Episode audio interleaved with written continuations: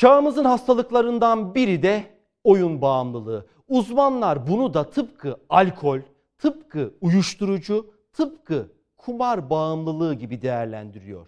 Şimdi bir zamanlar oyun bağımlısı olan bir gencin yaşadıkları geliyor ekranlarınıza.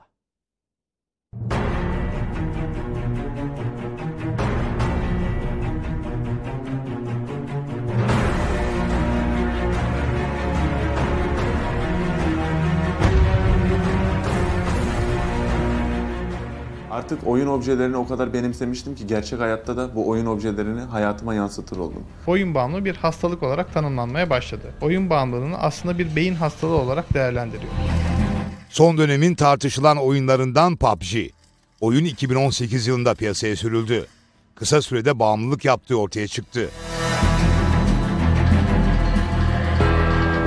Moskova'da yaşayan 15 yaşındaki Aleksime oyundan etkilendi. İnsan öldürmek nasıl bir his diye merak etti. 21 yaşındaki Dalia Evdokimova'yı bıçaklayarak öldürdü. Olay dikkatleri bu oyuna çekti. PUBG, Mavi Balina oyunu gibi uzmanlar tarafından zararlı bulunuyor. Mavi Balina oyunu dünyada 150'ye yakın intihar vakasının sorumlusu olarak görülüyor. Birçok ülkede yasaklandı. Tasarlayan Rus genç Moskova'da tutuklandı. PUBG oyunu da Mavi Balina gibi. Oyunu eleştiren Tarsuslu Doğukan Avcıbaşı adlı gencin hazırladığı video 4 milyona yakın beğeni aldı. Kamu spotlarının taklit edildiği video internetteki oyunlara olan bağımlılığın tehlikesini gözler önüne seriyor. Doğukan Avcıbaşı yaşadıklarını TGRT Haber'e anlattı. Uzun süreli e, oynamaya devam ettim. Kendimi bir şekilde soyutlaştırdım çünkü bağımlılık seviyesine gidiyordu bu oyun. Ama çevremde bu oyunu oynayan bağımlılık seviyesinde bir sürü arkadaşım var. Artık oyun objelerini o kadar benimsemiştim ki gerçek hayatta da bu oyun objelerini hayatıma yansıtır oldum. Mesela geçen arabalar, geçen uçakları takip etmeler gibi Eski oyun bağımlısı Doğukan Avcıbaşı'nın oyunu halen oynayanlara da bir mesajı var. Oyun oynayan arkadaşlara bu evet ilk başlarda çok eğlenceli gelebilir. Çok fazla eğlenceli gelebilir. Bütün gününüzü, saatinizi ayırabilirsiniz.